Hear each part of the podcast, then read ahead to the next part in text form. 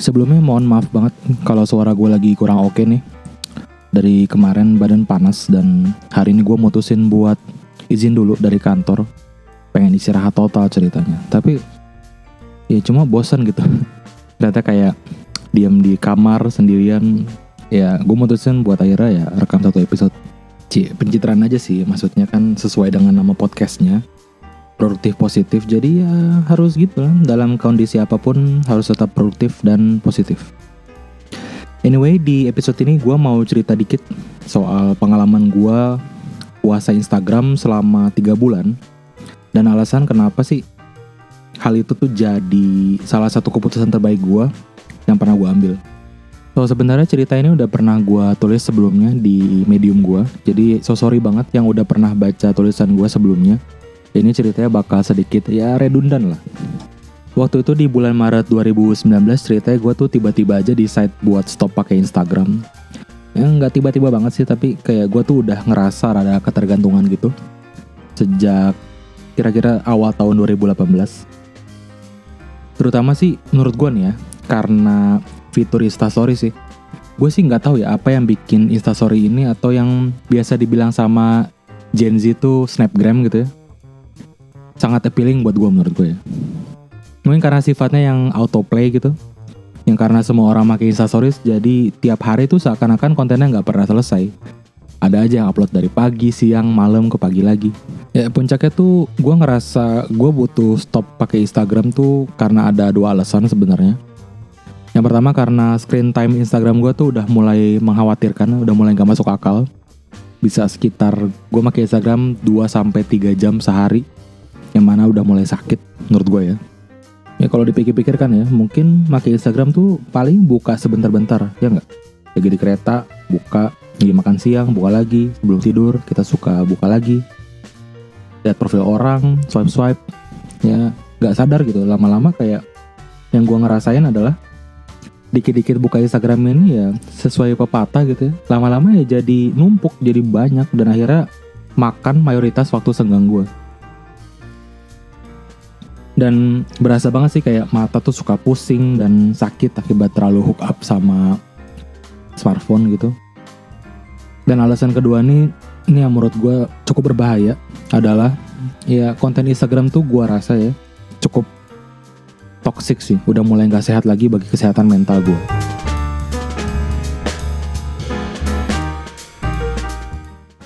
Ngomongin soal kesehatan mental di Instagram, di sosial media gitu, kayaknya nggak bakal habis deh kalau kita mau bahas di satu podcast. Gak perlu banyak pengenalan sih menurut gue. Gue rasa semua orang udah cukup familiar dengan masalah ini. FOMO atau fear of missing out, takut ketinggalan tren gitu, kegelisahan, sampai gejala depresi. Ini tuh macam-macam drawbacks yang terjadi saat kita terlalu candu sama yang namanya medsos. Mungkin bukan gue doang yang ngerasa, tapi kayak kadang tuh di medsos kita tuh suka terpapar sama kehidupan orang yang super sempurna gak sih? Kayak tiap hari tuh ada aja story orang soal kayak si A baru melahirkan misalnya, si B lagi tunangan, si C jalan-jalan ke Jepang, ya macam-macam lah pokoknya. Gue sih nggak naif sih, kadang gue juga suka ngelakuin hal yang sama. Gue tahu kita tuh yang suka post semacam gini ya, hingar-bingar di Instagram tuh gue rasa nggak ada sih niatan jelek bikin orang lain iri atau susah hidupnya gara-gara lihat postingan kayak gini. Gue sih jujur nggak ngerasa gitu dan gue yakin kayaknya nggak ada sih orang yang niatannya kayak gitu. Tapi benar kan, iri dengki itu emang sifat dasar manusia yang kita nggak bisa pungkiri. Kadang kita susah lihat orang senang, senang juga lihat orang susah, ya nggak? Dan gue pun kadang ada aja rasa kayak gitu. Lihat teman gue baru beli mobil misalnya di Instagram, dan doi post lah tuh serangkaian story dia dengan mobil barunya. Ya ada aja gitu rasa nggak suka melihatnya padahal nih ya kalau dipikir-pikir lagi gue juga nggak ada pengen-pengen banget tuh mobil baru. Ya udah ada mobil juga gue di rumah dan gue nggak ngerasa mobilnya kenapa-kenapa juga masih bisa jalan. Ya konten pamer kayak gini tuh emang bikin kita suka ngerasa nggak puas gitu lihat pencapaian orang suksesan orang gitu bikin kita tuh ngerasa hidup kayak gini-gini aja. Dan yang kadang orang suka lupa adalah, dan gue mungkin juga suka lupa. Konten Instagram itu udah melalui filter yang berlapis-lapis, udah dikurate sama orangnya sampai sebagus mungkin. Biar presentable. Kita tuh semacam dituntut buat nunjukin diri kita yang sebaik mungkin di Instagram. Dan di saat yang bersamaan, sedikit-dikit mulai exclude hal-hal yang kita rasa tuh kurang wah atau kurang likable misalnya. Kayak contohnya nih ya, orang yang beli mobil baru, kayaknya dia nggak bakal post deh soal gimana dia struggling bayar cicilannya, ya nggak? Atau mungkin saat dia galau dengan pilihan hidupnya, apa iya gue beli mobil tuh keputusan yang tepat? Ya mungkin dia nggak bakal galauin itu di uh, Instagram gitu. Atau misalnya contoh lain nih, ada orang yang bermegah-megahan di Instagram dengan jabatan barunya gitu. Gua rasa dia nggak bakal post ke publik gitu soal drama dia di kantor atau mungkin dia punya bos yang toxic banget yang dia tuh kayak pengen cekek setiap hari kalau ketemu. Well bisa aja sih dia post close friend di Instagram atau mungkin di Twitter gitu tempat sambat. Nah intinya tuh di sini kita tuh kadang suka terlalu fokus dengan hal-hal yang diglorify oleh teman-teman kita di Instagram dan kadang lupa kalau konten-konten ini tuh adalah konten hasil bukan konten proses yang kadang tuh disembunyiin di baliknya.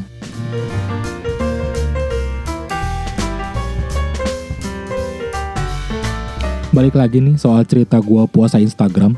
Jadi sebelum gue mulai puasa Instagram ini, gue tuh sempat riset dulu bacaan apa atau buku apa gitu yang mungkin bisa jadi pedoman gue. Karena gue yakin kalau kita langsung nyemplung tanpa ada riset, nggak tahu harus ngapain, biasanya tuh nggak terlalu sukses. Makanya suatu hari teman gue rekomendasiin buku Digital Minimalism karya si Cole Newport. Ini ngomong-ngomong kayak gue sering banget sih ngomongin Cal Newport ini. Ya gue ngefans sih sejujurnya sama tulisan dia. Dan kayaknya udah berapa kali gitu gue ngomongin buku dia di podcast ini. Anyway, gue suka banget sama buku ini dan cukup daging isinya.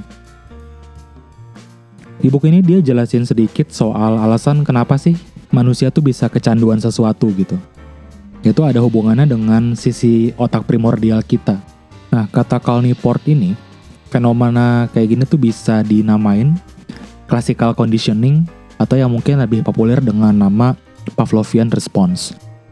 Intermezzo dikit soal Pavlovian response ini. Jadi dulu nih ada seorang peneliti asal Rusia namanya Ivan Pavlov. Dia tuh bikin sebuah percobaan ke anjing peliharaannya. Jadi Pavlov nih gunain sebuah bel gitu ya sebagai stimulus netral. Nah jadi gunanya tuh sebelum Pavlov ngasih makan anjingnya, dia pencet belnya, bunyiin. Nah dia lakuin berkali-kali tuh. Dia pencet bel, kasih makan, anjingnya tuh ngerespons dengan makan berkali-kali. Nah setelah dilakukan berulang-ulang, dia tuh iseng nyoba bunyiin belnya tanpa ngasih makan ke anjingnya. Dan menariknya, Pavlov tuh ngeliat bahwa si anjingnya itu mulai ngeluarin banyak saliva. Dia tuh expect bakal dapet makanan, padahal dia cuma denger belnya doang.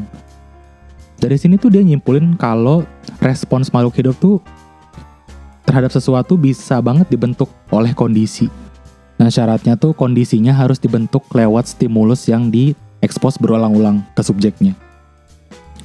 Penelitian ini ngomong-ngomong membuat si Pavlov itu memenangkan hadiah Nobel di bidang medis di tahun 1904, kalau nggak salah. Nah, lantas apa hubungannya sama media sosial? Nah, engagement yang kita terima, kayak jumlah like, share, atau komen setelah kita post sesuatu tuh bisa banget men-trigger perasaan feel good kita, ya nggak? Makin sering kita ngepost sesuatu yang wah, likes dan komennya tuh makin banyak setiap likes dan komen yang masuk tuh pasti bikin penuh notifikasi. Nah, bunyi notifikasi di smartphone kita yang biasa kita dengar itu, kita bisa anggap sebagai stimulus netral pengguna medsos. Sama kayak bel bagi anjingnya si Pavlov. Makanya buat yang udah kecanduan, kayak gue misalnya, setiap dengar bunyi notifikasi gitu, stimulus ini tuh men-trigger perasaan feel good di gue. Ini yang bikin gue otomatis tuh langsung reach HP, langsung buka Instagram. Nah, balik lagi ke buku Digital Minimalism, si Newport ini ngasih kita sebuah framework buat kita tuh yang mencoba buat terbebas sepenuhnya dari jerat Instagram atau yang mungkin bisa aja candu-candu digital lainnya. Ya, misalnya ada orang yang suka buka email atau buka Candy Crush misalnya. Nah, menurut Newport, langkah pertama yang kita harus lakukan adalah stop menggunakan candu kita selama 30 hari nonstop. Dan ini nggak boleh ada kompromi. Maksudnya apa ya? Nggak boleh ada alasan apa pun, even misalnya akun Instagram kerjaan. Gue aja sampai izin sama bos gue buat stop pakai Instagram kantor selama 30 hari. Gue bilang gue lagi detox. Ya dia approve gitu. Nah anyway ya intinya adalah kita nggak boleh sama sekali buka candu kita dalam alasan apa pun. Awalnya ya berat banget sih, jelas bos. Dari yang biasanya gue buka Instagram tiap hari, tiba-tiba gue harus total nggak buka apa pun, nggak ngapa-ngapain. Dan gue ngerasa kayak ada withdrawal symptom gitu, kayak orang yang lagi rehab narkoba gitu. Ya gue nggak tahu sih rasanya, gue nggak pernah rehab narkoba anyway. So, makanya di step kedua ini cukup penting si Newport bilang kalau kita ini harus bisa ganti waktu yang tiba-tiba luang ini dengan sesuatu yang meaningful, yang bermanfaat. Contohnya misalnya karena gue tiap hari rata-rata buka Instagram 2 jam, artinya dalam sebulan tuh ada 60 jam waktu luang gue yang tiba-tiba ada, yang tiba-tiba tersedia, yang biasa gue pakai buat main Instagram. Ya mau diapain itu? Nah ini harus kita cari tahu di step kedua. Nah buat gue, waktu yang tiba-tiba tersedia ini gue habiskan dengan baca buku gue sadar kalau selama ini intensitas baca buku gue tuh nggak se heboh zaman SMA apalagi kuliah waktu itu. So di 30 hari ke depan gue mencoba buat latihan baca lagi. Nah khusus untuk occasion ini gue sampai beli Kindle supaya gue lebih semangat termotivasi buat bacanya. Ini gue lakukan ya demi komitmen penuh untuk menghilangkan candu gue terhadap Instagram gitu. Ya nggak apa-apa keluar uang sedikit, tapi ada manfaatnya juga kan.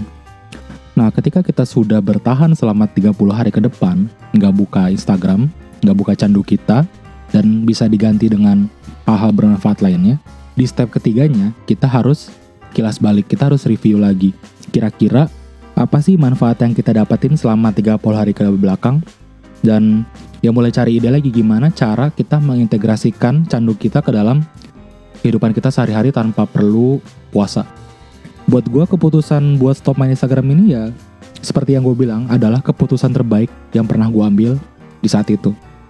Efek terbesar buat gue adalah gue jadi lebih menghargai ngobrol sama teman-teman di dunia nyata gitu ketimbang interaksi virtual. Selama ini lagi puasa Instagram kan gue hampir nggak ada update tuh tentang kehidupan teman-teman lain dia mereka ngapain kita nggak tahu. So gue jadi sering banget nyempetin waktu buat ketemu langsung kopi darat saking ngerasa oke-nya saking ngerasa baiknya gue tuh sampai mutusin buat lanjutin puasa Instagram sampai 3 bulan bukan 30 hari kalau ngomongin sekarang ya I feel really good. Instagram menurut gue ya sekarang cuma alat aja buat berkomunikasi.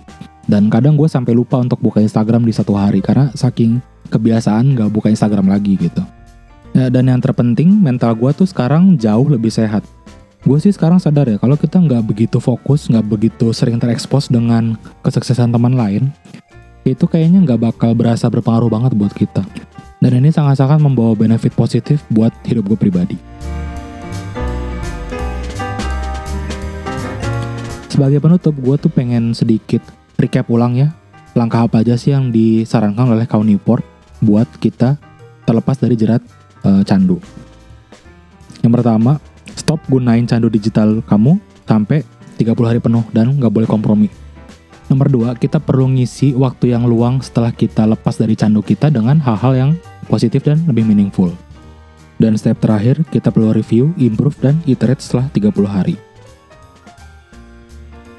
Di akhir kata, gue pengen ngucapin good luck, semoga berhasil buat teman-teman yang sedang berjuang sama seperti gue pada saat itu. Lepas dari jerat candunya saat ini, Nah, kalau gue aja bisa, gue sih yakin teman-teman pasti juga bisa.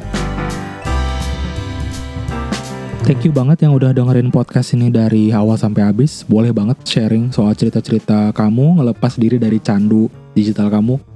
Boleh banget sharing langsung di email gue ekipramana@gmail.com atau bisa ke Instagram gue di @ekivalen. Sampai jumpa di episode berikutnya. Bye bye.